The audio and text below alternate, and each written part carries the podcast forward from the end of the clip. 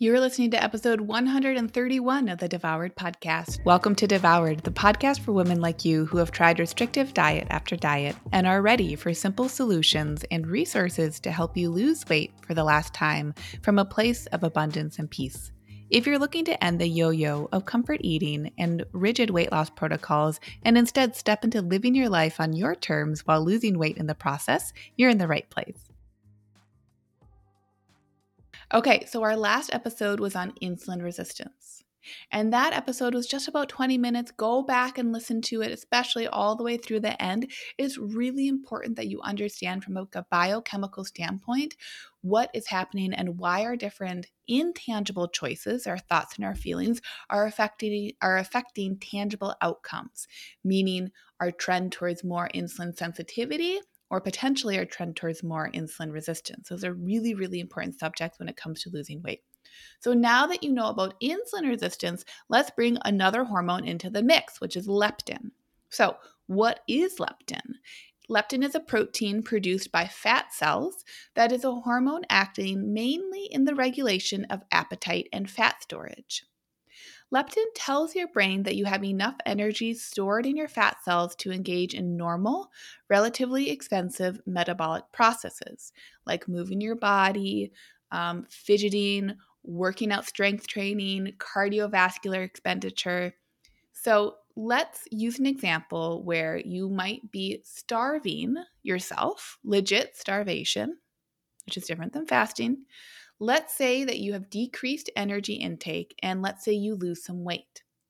Now your leptin level goes below your personal leptin threshold. And more research still needs to be done on those different uh, leptin thresholds. This is still a new ish area of research, but I think leptin's really important because this is a lab that you can ask for from your medical practitioner to see your leptin levels. So, when and remember, leptin's made in body fat cells. And this is where I was telling you before in the last episode, our body fat is a secondary endocrine organ. It's not a primary, right? Like our different like sex organs, those are primary endocrine organs. Their main job is dealing with the our endocrine system, our hormonal system. But we have different tissue and different other organs in our bodies that are hormonally active. And our adipose tissue, our fat cells, are one of them. And this is one way in which they're active. So, when we are truly starving, we're chronically under eating, we're never giving our bodies a chance to burn into body fat. So, they are, we're chronically under eating and moving less and less and reducing our metabolism drastically, right? We're creating the environment where our metabolism shut down. When that happens, our brain senses starvation the leptin levels go below our personal leptin threshold. And this is, I want you to be thinking about leptin like a thermostat and it helps us stay in a place of homeostasis. So, not only is leptin a thermostat that helps us stay in a place of homeostasis, remember, leptin is a hormone that acts mainly in the regulation of appetite and fat storage. So, appetite is affecting how we're thinking about what we're driven to be eating, how often we're driven to be consuming foods. That thermostat itself is affected by different factors. So it's a thermostat, but it is also being affected and can be acting as a thermostat that's a bit out of whack. So, just like how in insulin resistance, there is insulin in our bodies and our cells are just kind of numb to it because it's remember if our insulin is always circulating through our bloodstream our cells can get used to that that's what that insulin resistance is. And the insulin is no longer acting in the way it's intended to, to help open up the cells, to draw blood glucose into the cells for cellular energy. The same thing can happen with leptin. And just like how we need insulin, right? No insulin in our bodies is a very, very bad thing. You can ask anyone who has type 1 diabetes or is knowledgeable about those conversations. We need leptin. Leptin levels can increase as body weight from body fat increases. So, while we want plenty of leptin, we also want plenty of sensitivity to that leptin.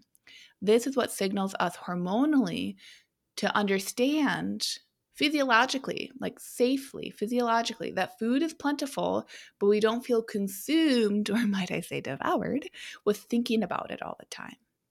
So while thought work can help with that, we might habitually have some habits that are creating a compulsive relationship with food. Food choices can also help with that, right? Those foods that uh, uh, really light up our brains or are hyper palatable, like flour and sugar. Remember that there's also like a tertiary or like a third factor here is that all of this is biochemically driven. So, leptin is produced in our body fat stores. So, when we gain more body fat, we have more potential to make more leptin, even if we're resistant. Now, here's the catch this is why this is a quickie episode.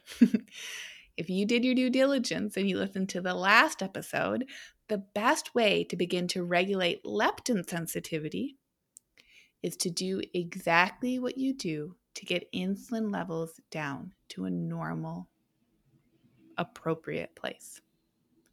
Isn't that cool?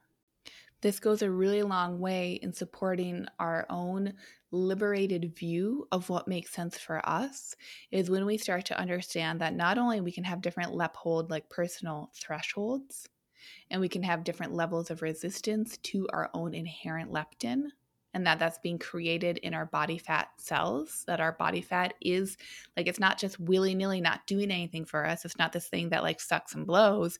We need body fat.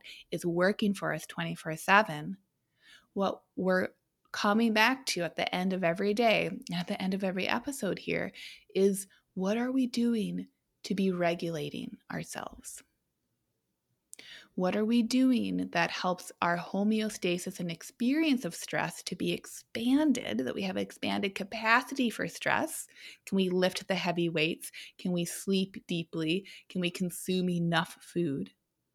And still be losing body fat and still be showing our bodies that safely they're safe enough to come into a place of regulation where they no longer need to be losing body fat because now the leptin is in place.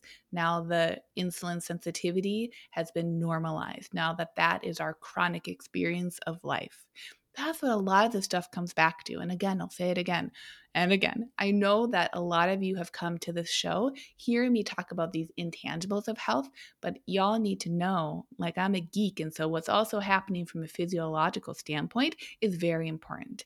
I think for every single person, more education is more empowerment sometimes we can take education and run with it in a way that harms ourselves. You see this happening a lot, especially with like um, you know, in terms of um, you see this happening a lot with people who take whole food diets to a place that might actually be too extreme for them. They never eat sugar.